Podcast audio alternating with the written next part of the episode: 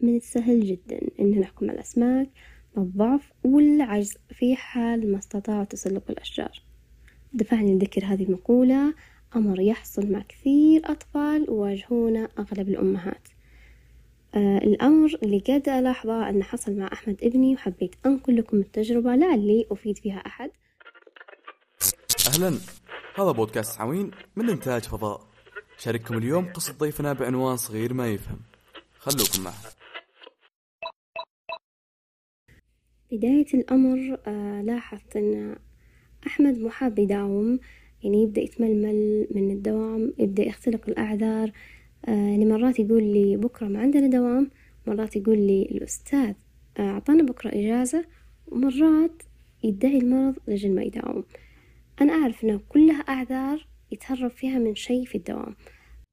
فبدوري كأم بدأت أبحث عن المشكلة بدأت أبي أسئلة أنه كيف أصحابك معك بالمدرسة؟ هل عندك أصدقاء أو لا؟ كم عدد أصحابك؟ الحمد لله عددهم كويس.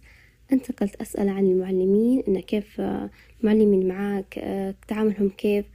وبدأ يعلمني الأستاذ فلان إيش قاعد يقول لهم والأستاذ الآخر كيف يتعامل معاهم. الحمد لله علاقته فيهم كويسة. لكن المشكلة ما زالت موجودة إن محاب يداوم أنا ما, ما عرفت إيش المشكلة. لجأت للتخمين واللي هو كان حلي الوحيد. آه طبعا أحمد عنده شوي ضعف في اللغة الإنجليزية فأتوقعت إنه ممكن بيوم من الأيام آه طلع الأستاذ ليقرأ كلمة أو يكتب كلمة أو سألهم سؤال وما عرف يجاوب أحمد فبالتالي بيكون في آه مجال للمتنمرين في الفصل.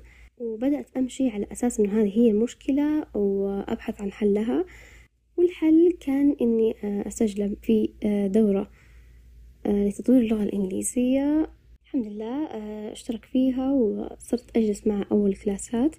لجل أطمن لأنه مغلبني شوي بالبيت من ناحية دراسة اللغة أو حل واجباتها شوية يغلبني. فجلست يعني صرت أحضر معه الكلاسات الأولى لجل أطمن على أحمد. هنا فاجأني بقدرته السريعة على التعلم اندمج بسرعة مع المعلمة وكانت آه، استجابته للتعلم وتجاوبه معها أسرع من المعتاد. بعد ما اطمنت إن هنا خلاص راح يتعلم صرت أتركه لحاله لأجل أحاول قد ما أقدر إنه أخليه يعتمد على نفسه في هذه الأمور. الحمد لله بعد فترة بدأ يقول لي أسماء الأشياء الألوان يقول لي جمل باللغة الإنجليزية لكن مشكلة أن مو حاب يداوم ما زالت موجودة. إيش اللي قاعد يصير؟ أنا مو عارفة فحاولت قد ما أقدر إني أحاول أفهم منه لكنها ما كان يجاوب, يجاوب معي بأي شيء ما كان يعطيني له طرف خيط. فالحل اللي قدامي الأخير كان إني أتواصل مع المدربة بحكم إنها آه، تقريبا بنظري هي الوحيدة اللي عرفت تتعامل معه في هذه النقطة. فأول ما دخلت على المحادثة اللي ألاقيني مرسلة لها إنه حمود اليوم مو قادر يكتب. آه حمود اليوم آه اليوم المايك ما يفتح عند أحمد. كلها أشياء أنا ما كتبتها يعني ومليئة بالأخطاء الإملائية. لكن الغريب في الأمر إنه هي صدقت يعني المدربة مصدقة إن أنا اللي كاتبة الأمر الجمل هذه. فعلى طول تواصلت معاها وبدأت آه، أسألها عن أحمد كيف معها بالكلاس آه، هل يتجاوب أو لا. قالت لي أحمد كويس لكن عنده مشكلة في الثقة بنفسه وإما يكون مصدرها من البيت أو من المدرسة. فشوي ارتبكت إنه مين ممكن يقلل ثقته في نفسه. مع إنه لما كان بالصف أول ابتدائي كان عكس الأمر. كان طالب متميز متفوق ذكي بكل المواد حتى في اللغة الإنجليزية. إيش اللي صار في الصف الثاني؟ آه هنا بدأت أحاول قد ما أقدر أفهم من أحمد. أبدا مو معطيني أي جواب.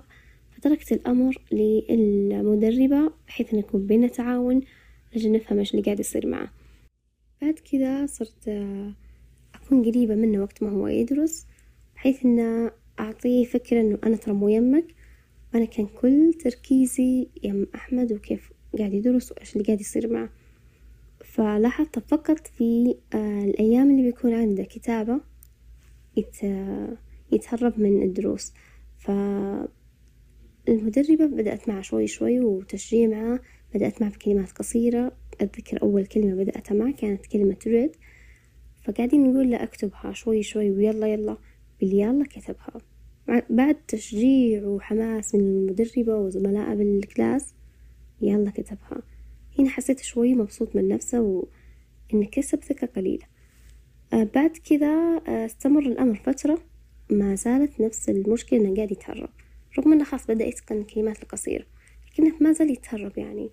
بعد ما انتهت المدربة من مرحلة الكلمات القصيرة انتقلت للمرحلة اللي بعدها اللي هي الكلمات الطويلة وهنا آه، فعلا بدأ التحدي الحقيقي بالنسبة لأحمد إذا هل يقدر يكسر حاجز الخوف ولا لا.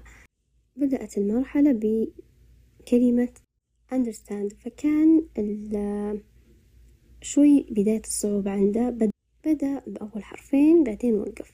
حاولنا نشجعه المدربة قاعدة تنطق للأصوات لكن أبدا مو حاب حتى يمسك يكمل مسكة القلم. نزل القلم ومو قادر يكتب. فالمدربة قاعدة تقول يعني حاول قد ما تقدر آه أنت تقدر و أنا بنطق لك الأصوات يعني ما في شي صعب. فقال لها لا أنا ما أعرف أكتب. المعلم قال لي ما أعرف أكتب. جملة عابرة من معلم. كفيلة إنها تهز ثقة أحمد بنفسه لحتى ممكن آخر عمره. فكان رد المدربة أن الآخرين ما يعرفون قدراتنا. نحن فقط من يعرف قدراتنا. قالت له كذا بالجملة هذه بعدين قالت آه، نجرب ونشوف. يلا شوي شوي آه، لحتى انتهى من كتابة الكلمة. ومن بعد هاليوم آه، استعد ثقته بنفسه حسيت إنه اكتشف إنه والله أنا أقدر أكتب والمعلم كان مخطئ. ولجل أساعده في إنه يحافظ على مستواه ويكسب ثقة أكبر في نفسه آه قلت له أكتب لي قائمة بالأمنيات اللي أنت حاب مني إني أحققها لك. كل مرة أنت تتغلب فيها على الكتابة أحقق لك أمنية. الحمد لله هذه الطريقة ساعدتني وساعدت أحمد في إنه يطور من نفسه يستمر في تطوير نفسه ويكسب ثقة أكبر في قدراته بالتعلم. الحمد لله كانت آخر مرة يحمل فكرة أني أنا طالب ما أعرف أكتب. طبعا تم حل الأمر بالتواصل مع المدرسة. علاقته بالمدرسة تحسنت آه، بالمعلمين تحسنت. صار أحمد هو اللي قاعد يساعد الطلاب والزملاء معه بالفصل تطوير مهاراتهم في آه، اللغة آه، صار يمسك بعض الدروس يشرحها. تعامل معلم مع أختلف وتحسن بشكل أفضل. والرسالة اللي حابين أو حابة أوصلها أو أنقلها لكم من قصتنا اليوم هي أن نحاول قد ما نقدر أن آه أن نركز قد ما نقدر على الكلمات اللي نقولها نوزنها قبل ما نخرجها خصوصا مع الأطفال. زي ما نعرف الأطفال زي اللوحة البيضاء الكلمات اللي بنقولها لهم تكون زي البصمة. فإما تكون كلماتنا أو بصماتنا ملونة تسر بقية حياتهم أما تكون سوداء رمادية تحرق بقية مستقبلهم. فقد ما نقدر آه، نحاول يكون آه، منطقنا بلسم نقول خيرا أو نصمت.